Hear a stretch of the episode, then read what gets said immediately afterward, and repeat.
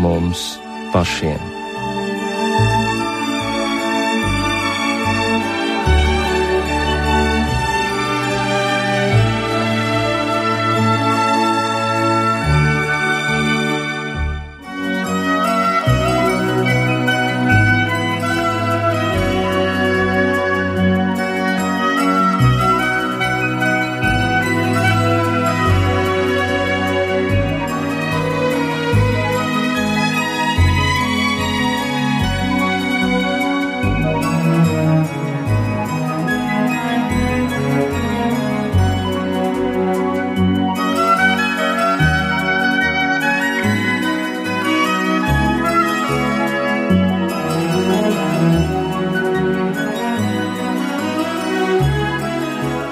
Esiet sveicināti radījumā pāri mums pašiem, lai ir slavēts Jēzus Kristus.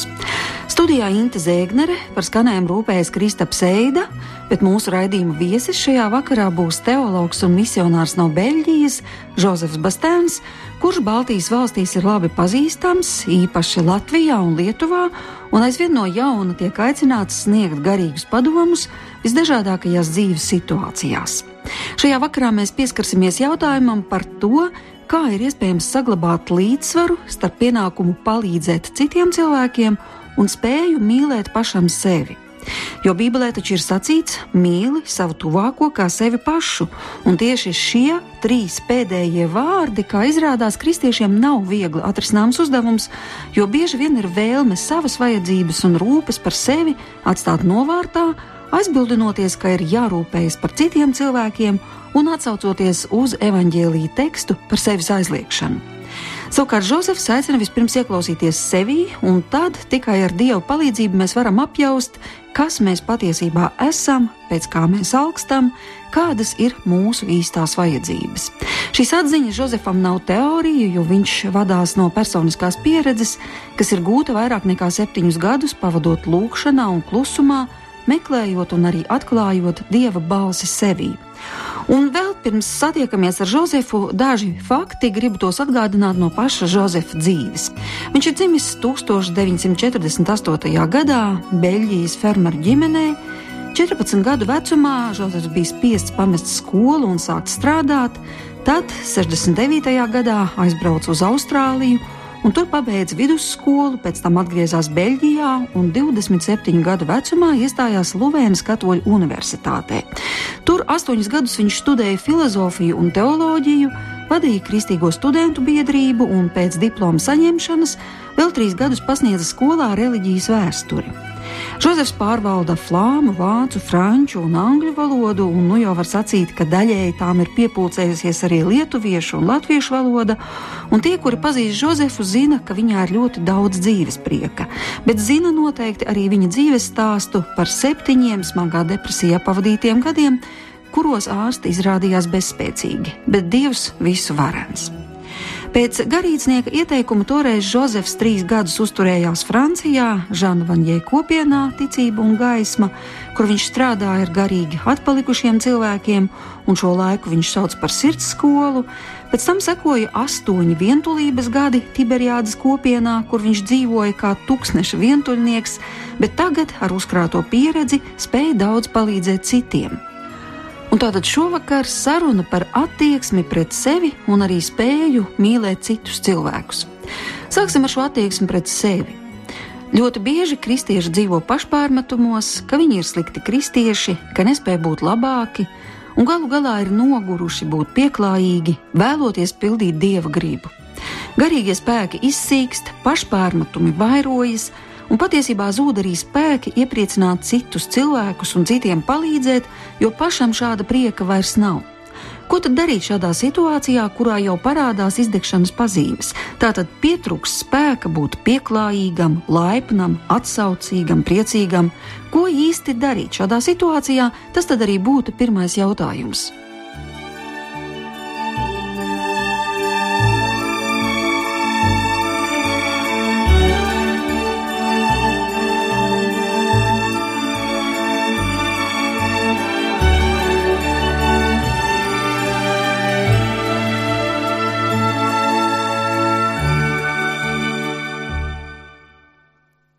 A Belgian book. It's called "Stop to Be Kind, Be Be True," and there it tells all the um, the conditions of men. Beļģijā ir izdota laba grāmata ar nosaukumu Beidz būt pieklājīgs, esi patiess.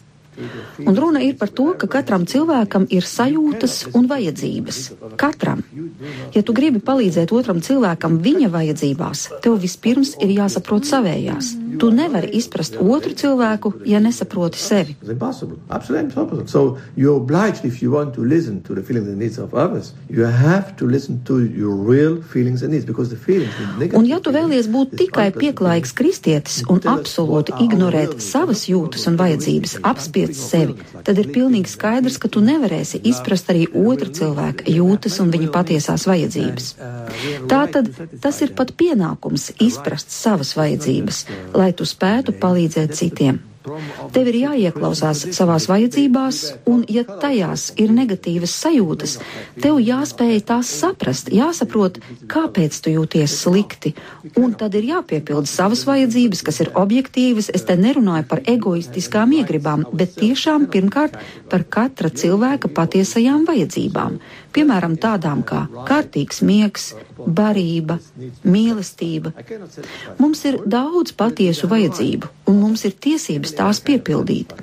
Un iespējams, ka šajā aspektā ir veidojusies arī kāda neizpratne, ja runājam par kristīgo tradīciju, kurā ilgu laiku tika mācīts, ka mums jānorobežojas no savām vajadzībām, it kā mums nemaz nebūtu ne sajūtu, ne vajadzību, un tikai jākalpo.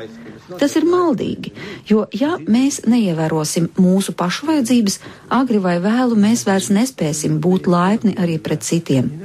Mēs nevaram dot citiem to, ko paši nesam saņēmuši, paši nesam sev devuši. Ja būsim nevērīgi, varētu sacīt nelaipni pret sevi, tādējādi mēs kļūsim iztukšoti, izsīkuši, un kādu gan labvēlību mēs varēsim dot citiem. Tātad pirmā lieta man ir tiesības uz to, kas man kā cilvēkam nepieciešams. Es jau sacīju, es runāju par patiesajām vajadzībām, nevis iegribām. Un pat, ja es visas šīs vajadzības nevarēšu piepildīt, tad tik un tā man ir jāzina, ka man kā cilvēkam uz to ir vismaz tiesības. Un tad, kad man būs iespēja, es tās piepildīšu. And Jesus,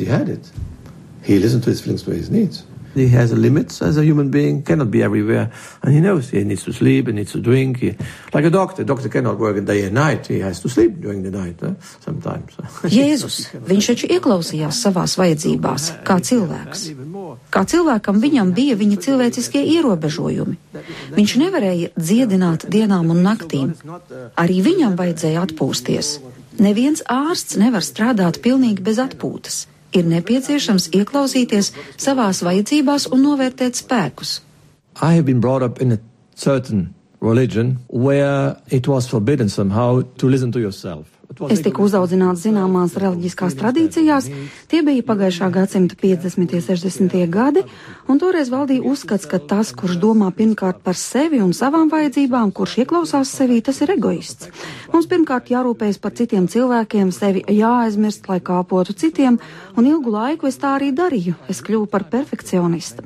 Perfekcionists ir tāds tips, kurš cenšas vienmēr izpatikt citiem, darīt visu perfekti, nevainojami, un tādējādi es būtībā aizliedzu pats sevi un savu patieso es. And with the time, after many years, if you are just pushing the real I always backwards, will vanish, you know, Bet, laikam ejot, ja jūs visu laiku atstumjat un ignorējat savas vajadzības, ignorējat pats sevi, jūsu eksistence kļūst apdraudēta, jo būtībā mans asketiskais dzīvesveids, kurš sastāvēja no pienākumiem un saistībām un upuriem, no nemitīgas sevis veltīšanās citu labā, visas šīs lietas, ko tu dari tikai pienākuma dēļ un ar piespiešanos, bet bez prieka un mīlestības, galu galā apēd tavu dzīves kvalitāti un tevi iztukšo.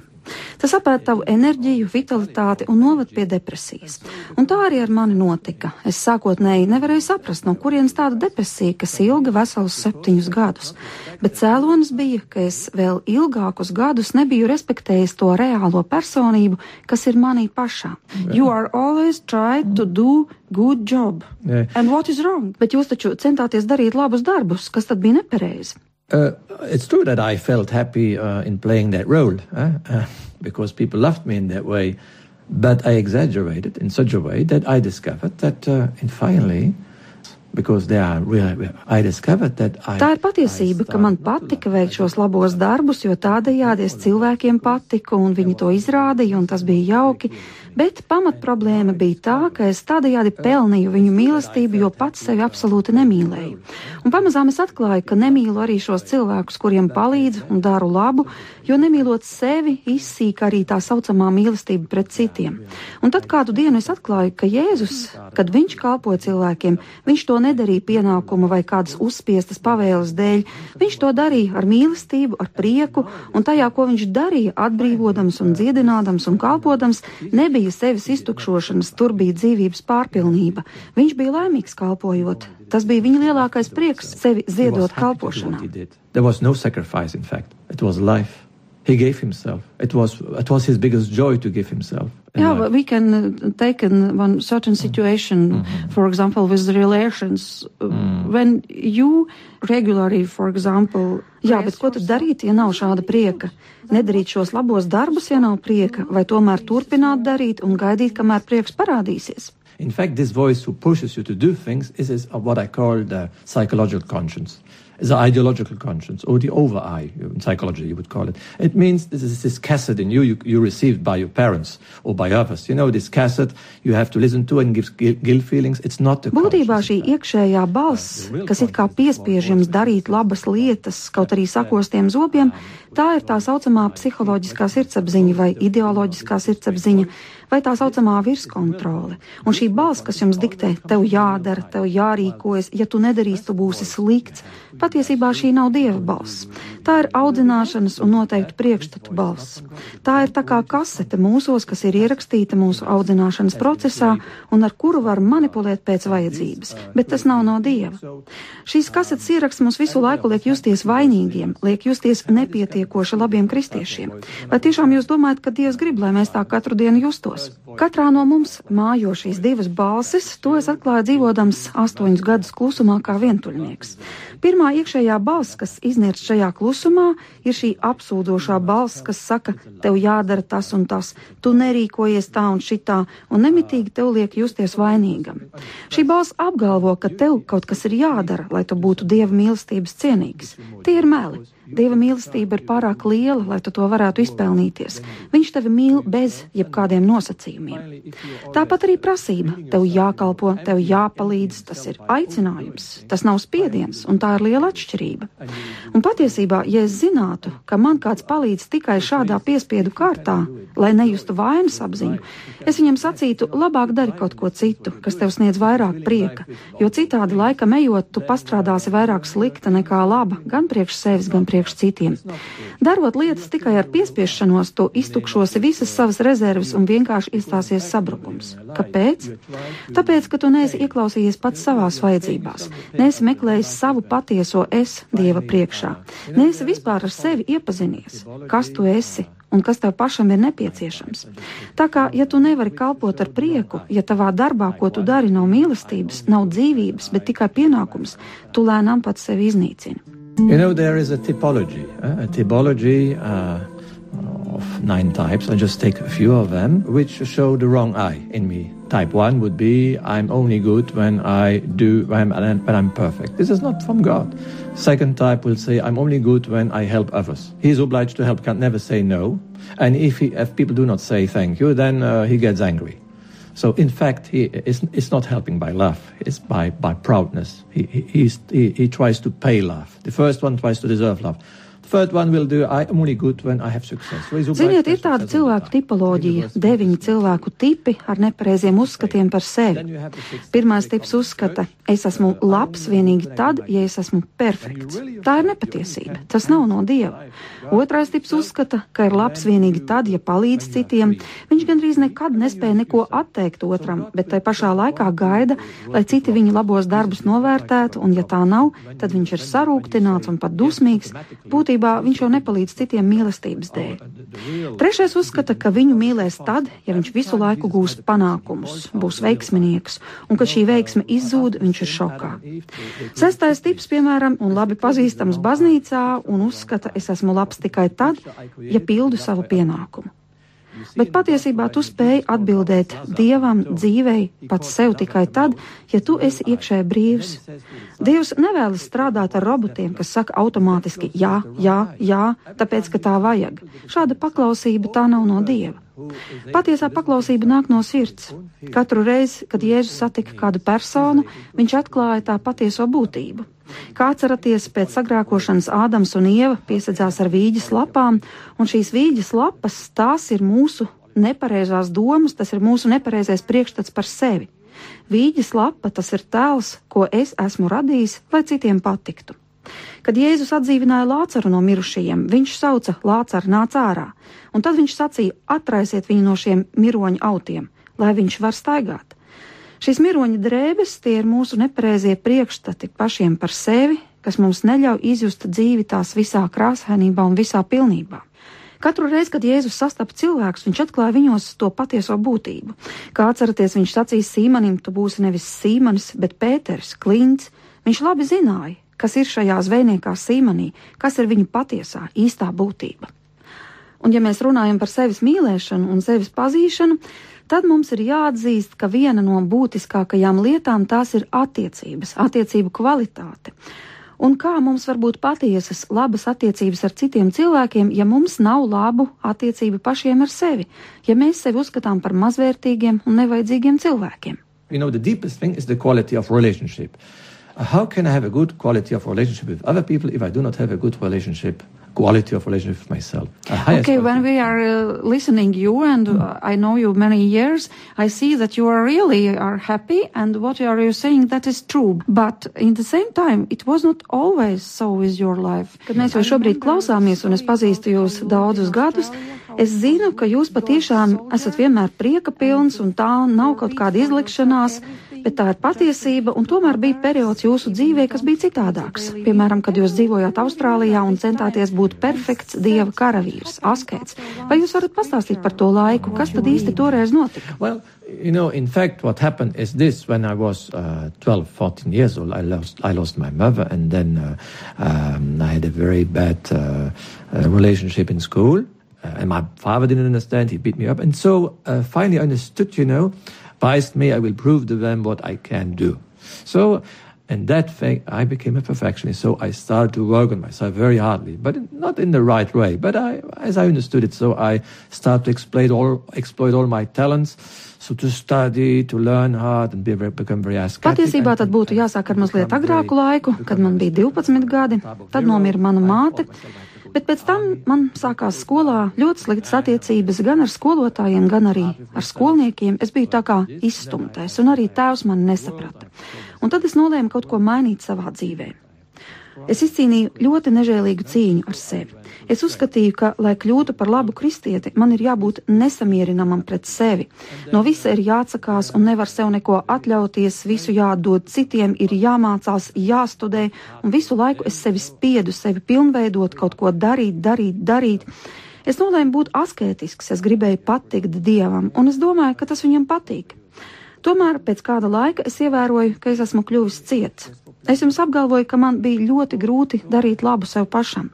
Tā vietā, lai kļūtu taisnīgāks, priecīgāks, tā vietā es kļuvu drūms. Es neizjūtu pietiekami lielu mīlestību arī uz Dievu, un tai pašā laikā es nesajūtu mīlestības pieplūdumu arī pret citiem cilvēkiem. Piemēram, tad, kad es dzīvoju Austrālijā, es uzaicināju pie sevis cilvēkus, bet tomēr parasti es viņiem neko nepiedāvāju. Es sacīju, nauda, ko es esmu nopelnījis, tā man ir jādod nabagiem un trūkumcietējiem. Es uzskatīju, ja pārāk daudz atdošu saviem viesiem, tad apzakšu šos nabagus. Jā, vēl pēc Austrālijas es devos uz Āziju, uz visnabadzīgākajām valstīm, Indiju un Indonēziju. Es dzīvoju tur tāpat kā viņi, pavisam kļuvu tievus izkāmēju, kamēr sapratu, ka laikam neizturēšu tādu dzīvi, un atkal es kritu pašpārmetumos par to, ka es nespēju dzīvot tā kā viņi. Un tad, kad jau biju tādā diezgan stipri depresīvā stāvoklī, tad es atradu šos vārdus Bībelē no Zīraha gudrības grāmatas. Kas pats pret sevi ir slikts, pret ko gan tas būs labs? Ar visu naudīgumu nebūs tam prieka. Nav ļaunvēlīgāk par to, kas nenovidīgs pats pret sevi. Atkarībā no tā, kas tev ir, dari labu pašam sev, dēls. bet kungam ziedo cienīgus upurus. Nelaupi, kas pienākas pašam no labām dienām, tava daļa no ilgošanās pēc labā, lai nepaiet garām. Šī rakstu vieta man ļoti pārsteidza, jo tā neatbilda tiem priekšstatiem, ko es tik cītīgi biju būvējis. Jā, yeah, but in all that there is some secret. Yes. Uh, and it's somehow it's not happen automatically that for example, you was in depression, you put yourself all the time make duties for God, for church, for people. Un tad jūsu dzīvē sākās izmaiņas, bet arī tās taču nenotika automātiski, ka pēkšņi vienā dienā viss mainītos. Kā jūs atradāt šo īsto ceļu, ko darīt, lai atrastu savu patieso būtību? I went to the Arch of Giovanni. You know, there's a community of handicaps, and these handicaps they cannot live with a person who creates himself a picture. So I thought I showed myself perfect, like I was used to. You know, I have been working in a hotel. In a hotel, you, you can show perfect to those people who are coming. You're smiling, always perfect. You avoid uh, anger, always polite. And but handicaps, they feel you. So they have special antennas. Sākotnēji pašā smagajā depresijas stāvoklī es kādu laiku dzīvoju un strādāju ar garīgi slimiem cilvēkiem Žāna Vaņie kopienā. Un šie garīgi slimie cilvēki izrādījās ir dažās sfērās gudrāki par veselajiem, jo viņi ļoti labi jūt, vai tu pietēlo, vai tu esi radījis sev imidžu, vai arī tu esi patiesa. Es biju pieredzējis vienmēr rādīt sabiedrībai šo pieklājīgo masku, vienmēr apslāpēt dusmas, vienmēr būt perfekts, un viņi mani ātri atšifrēja. Viņiem ir it kā tādas speciālas iekšējas antenas, un viņi jūt, vai tu esi patiesa vai nē. Un viņi grib zināt tikai vienu, vai tu patiešām viņus mīli, vai tikai izliecies, ka viņiem kalpo. Un bija kāds slimnieks šajā kopienā, kas pie manis pienāca un vaicāja: Žozef, vai tu mani mīli? Jā, es atbildēju, protams, ka mīlu, kaut gan tas nebija pārliecinoši. Un tad viņš man sacīja: Ja tev ir tik liela galva un tik maza sirds, tevī vienmēr būs iekšējs karš. Bet, ja tava sirds būs lielāka par tavu galvu, būs miers. Un kāds cits man sacīja, tieši tad, kad es biju visvairāk aizņemts un kad es biju gandrīz tik ļoti skrejošs, kā tas biju gandrīz vienmēr, jo jūs jau zināt, ka svarīgiem cilvēkiem vienmēr nav laika, tad šis cilvēks pienāca man klāt un sacīja: Žozef, vai tev būtu kāds laiks priekš manis? Brīvs laiks priekš viņa? Es negribēju zaudēt savu laiku tagad sēžot ar viņu kopā un neko nedarot, man tas nozīmē laika pazaudēšanu. Mana iekšējā sen ierakstītā noteikumu kasete man ziņoja: nekad veltīgi nezaudē laiku. Bet šis slimnieks sacīja: Vai tu vari pasēdēt ar mani kopā un sniedz man savu roku? Man tas bija ļoti, ļoti grūti. Tā vienkārši sēdēt kopā ar viņu. Tas šķita pilnīgi bezjēdzīgi. Bet šī kopā pavadītā laika stunda tā man ļoti daudz ko deva. Es atklāju pilnīgi kaut ko jaunu, līdz šim nezināmu. Es atklāju, ka mīlestības ritms ir ļoti lēns, ka tas ir ārkārtīgi lēns. Un ka visu laiku skrienot un uztraucoties, es nemaz to nebiju pazinis. Es secināju, ka bez apstāšanās biju skrējis garām pašām svarīgākajām dzīves norisēm, kas notiek manā sirdī. Man šādās lietās nebija laika ieklausīties, es biju sevi apzadzis šajā svarīgākajā skrējienā. Īstās mīlestības, dzīves, gara ritms ir lēns un ļoti dabisks. Tas ir tāds kā plaukst puķis, tas ir tāds kā kokiem uzplaukst lapas, kā uztīkst zāle, tas nenotiek vienā dienā automātiski, samāksloti. Īstās mīlestības ritms ir lēns very quick time machine yes. and we can't allow yes. ourselves yes. to be slow because so, the rhythm well. is very quick. Bet tajā pašā laikā mēs esam ielikti ļoti ātrā laika mašīnā, kas mums liek nemitīgi steigties, steigties gandrīz bez apstājas. That, you know, Jā, tā ir mūsu rietumu sabiedrība, kas ir gatava upurēt dzīves patieso jēgu dinamisku pseido pienākumu vārdā. I think 70% of Latvian inhabitants have yeah. to sacrifice their, yeah. their real yeah. needs. Yeah. Un tomēr es domāju, ka arī Latvijā liela cilvēku daļa tā dzīvo akūta laika trūkuma dēļ vai arī savu laiku upurējot. That's, that's our death, you know, that's the reason that our West... Jā, un tas ir viens no iemesliem, kāpēc mūsu rietumu kultūrā ir tik izteiktas šīs nāves kultūras pazīmes. Tālūk, reiz Tiberijādā es satiku jaunu vīrieti, Tiberijādas kopienā, kur es dzīvoju. Viņš atnāca pie manis un paziņoja, ka vēlas darīt sev galu. Es vaicāju, kāpēc, un viņš teica, man ir viss - nauda, mašīna, drēbes, māja. Es gribu sevi iznīcināt, es dzēru, es lietoju narkotikas, bet tad jau tas ir pašnāvības veids, es iebildu. Jā, viņš sacīja, Un es nesen devos pie sava tēva, un tā arī viņam pateicu. Es viņam tā arī pateicu. Tu nekad neesi mani mīlējis.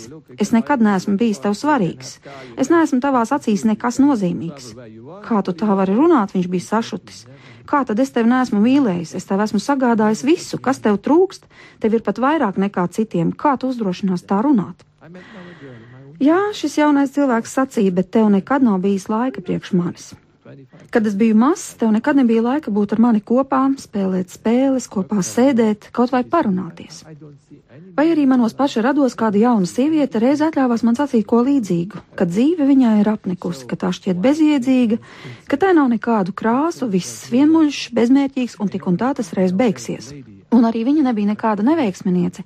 Viņai bija viss - māja, mašīna, ģimene, labs darbs 25 gadi tikai, un tomēr liels iekšējs tukšums, ko nekas nespēja piepildīt. Nekas nesniedz šo dzīves garšu. Ir kāda sieviete, kuras vārds ir Etija Hilversuma. Šai sievietei arī bija ļoti haotisks dzīvesveids, varētu sacīt bezjēdzīga dzīve, bet reiz viņa satika psihologu Juliusu Pīlu, un tas pilnībā izmainīja viņas dzīvi.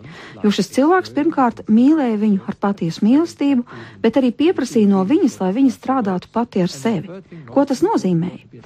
Pirmkārt, tas nozīmē ieklausīties sevī, ieklausīties dzīvē, kas ir viņā un viņai apkārt un saprast, kādas izjūtas viņā šāda dzīve provocē. Un pats nozīmīgākais - ieklausīties sevi un savās izjūtās, iepazīt sevi. Un šādā veidā viņa atklāja ceļu pie dieva. Viņa kļuva par vienu no vislaimīgākajiem cilvēkiem pasaulē, kaut arī vēlāk viņiem bija jādodas uz koncentrācijas nometni. Trīs gadus Etija Hilversuma strādāja ar sevi, savas izjūtas viņa pierakstīja dienas grāmatā, jo tas bija svarīgi viņai formulēt vārdos to, ko tu sevī atklāji, un tādējādi iepazīt sevi. Viņa atrada šo ikvienā cilvēkā apslēpto aku, ja tā var sacīt, kur mājo īstā dzīvība. Dažkārt šī mūsu dzīvības saka ir pilnīgi aizbērta ar gružiem, ar pārdzīvojumiem, ar sarūktinājumiem. Gadās, ka cilvēks nomirst aiz slāpēm, sēdēdams pats pie savas aizbērtās akas, kurā mīt šī iekšējā dzīvība, kurā mājo pats Dievs. Un tas ir tik ļoti būtiski mūsdienu cilvēkam atklāt šo apslēpto aku un atrast, ka ir iespējama nevis maza rūpju nomākta, bet gan liela un skaista un prieka pilna dzīve. Yeah, but we have no time for big life because well, the time is very divided on all these duties. The Jā, bet mums nav laika šai lielajai dzīvē, jo mums ir pārāk daudz pienākumu. Bet tajā pašā laikā psihoterapeiti atzīst, ka tieši depresija ir visizplatītākā slimība Rietuma Eiropā, no kuras cilvēki mirst vēl daudz vairāk nekā no sirds asinsvadu slimībām. Pressure creates depression. Depression is a, is a healthy reaction, in fact, is the, is, is the direction of the body, of, the, of our psychology. The, the body... Jā, tāpēc, ka spiediens rada pretspiedienu, to mēs arī redzam šajos vārdos - pression and depression. Tā ir organisma reakcija pret vardarbīgu un paviršu izturēšanos. Kas ir mūsu dzīves svarīgākie avoti? Tas ir gars, dzīvība un mīlestība. Mēs esam miesīgas būtnes, psiholoģiskas būtnes, bet arī garīgas būtnes, un dziļākais ir šī garīgā dimensija. How you began to find the life, mm. this spirit and this love, what was lost during your mm. time, during your, yeah. these 20 years, yeah. what you lived, yeah. how you found this way back, what you mm. did. Kā jūs sākāt pats atpazīt patieso dzīvi? Kā jūs atradāt šo ceļu atpakaļ pie Dieva, pie sevis paša? Well, first I, I was with these handicaps. They, they, they helped me to accept my ha own handicaps, you know, because I was a perfectionist. Pirmkārt, so kā jūs sacījāt, bija kopā ar šiem garīgi slimajiem cilvēkiem, kas palīdzēja man pašam sevi pieņemt tādu, kāds es esmu, nevis veidot maskas. Tātad pirmās padomas būtu pieņemt sevi tādu, kāds tu esi? Noteikti. Mums ir jāredz mūsu ēnas, mēs nedrīkstam tās noliegt, apslēpt, censties atbrīvoties no tām, pirms esam tās pieņēmuši un akceptējuši, ka tāda nu mēs reiz esam. Bet sabiedrība ir citādāk veidota.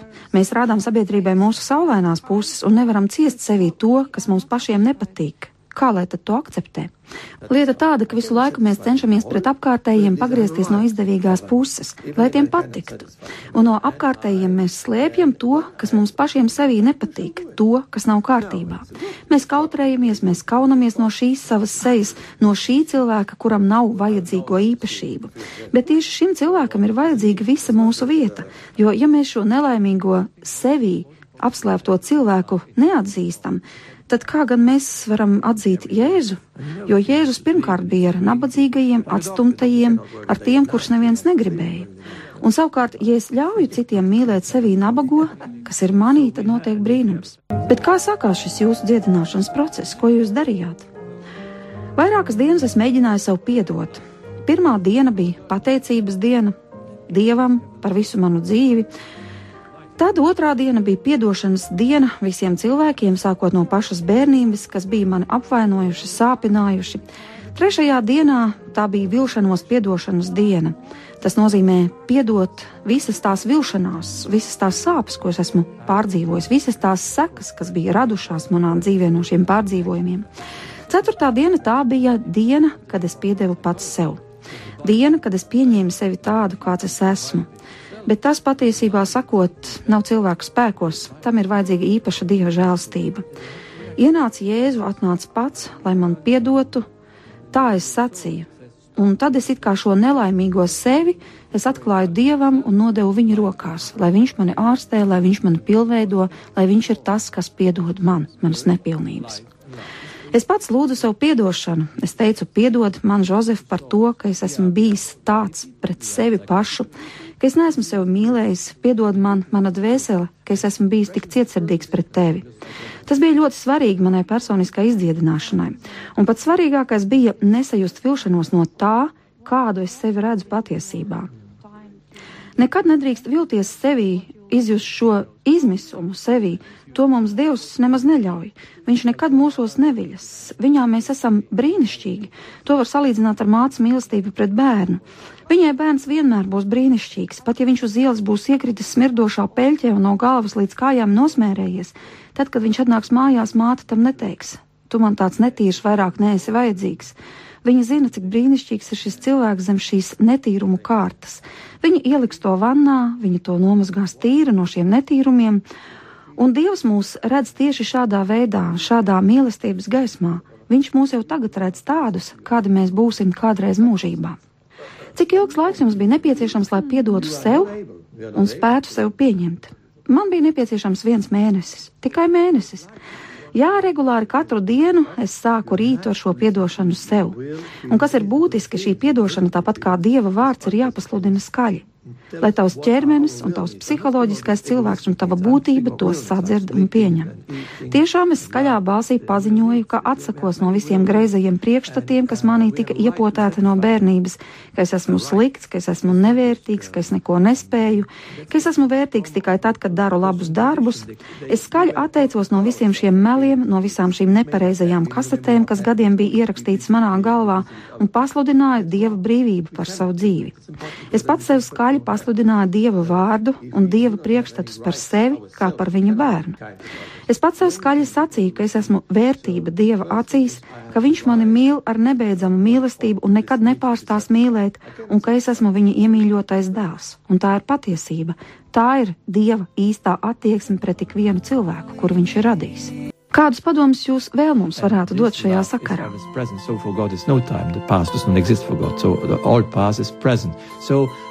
Es sacītu, ka ātrākais veids, kā nokļūt pie savas aizbērtās dzīvības sakas, kur dziļāk par mūsu emocijām ir mūsu vajadzības, un dziļāk par mūsu vajadzībām ir pati dzīve, un dziļāk vēl par šo dzīvi mājo pats Dievs, kurš ir apslēpts mūsos.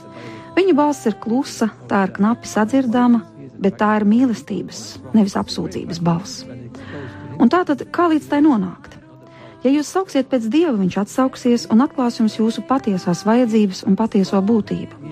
Tikai Dievs zina, kas mēs patiesībā esam. Mēs sevi tik labi nepazīstam. Ja jūs paliksiet ilgstoši visvētākā sakramenta priekšā, paša Dieva priekšā un darīsiet to katru dienu, jūs atklāsiet savu patieso esi. Atrodiet nu vismaz desmit minūtes dienā, lai pavadītu tās klusumā, bet katru dienu, un atļaujiet visām jūsu izjūtām atklāties. Neapslāpējiet ne skumjas, ne grūtsirdību, ne sāpes, ne atmiņas no pagātnes, kas var parādīties. Ļaujiet tam visam uzpeldēt. Iespējams, ka tas būs sāpīgi, bet Dieva klātbūtnē tas būs arī dziedinoši. Un tad jūs atklāsiet, ka aiz šīm sāpēm, aiz šiem netīrumiem, gružiem, aiz akmeņiem un ērkšķiem, kas ir sakrituši jūsu dzīves sakā, tālāk aiz tā visa ir atrodams dzīvais ūdens, paša dieva klātbūtne. kas nes dzīvi tās pārpilnībā. Un veltiet kaut desmit minūtes katru dienu svēto rakstu lasīšanai, un jūs piedzīvosiet, ka vārds, kas ir rakstīts Bībelē, ir dzīvs, ka tas attiecas tieši uz jums personīgi, ka caur šo vārdu Dievs runā konkrēti ar jums, un ka caur savu vārdu Viņš dāvā jums dziedināšanu, atbrīvo no vecām dzīves lauskām un sniedz jums dzīvi, kas ir piepildīta ar prieku un mīlestību, ar mīlestības pilnām attiecībām. Turpiniet tīrīt šo savas iekšējās dzīves garīgo aku, un jūs atradīsiet šo dzīvo ūdeni, kas mājo ikvienā no mums.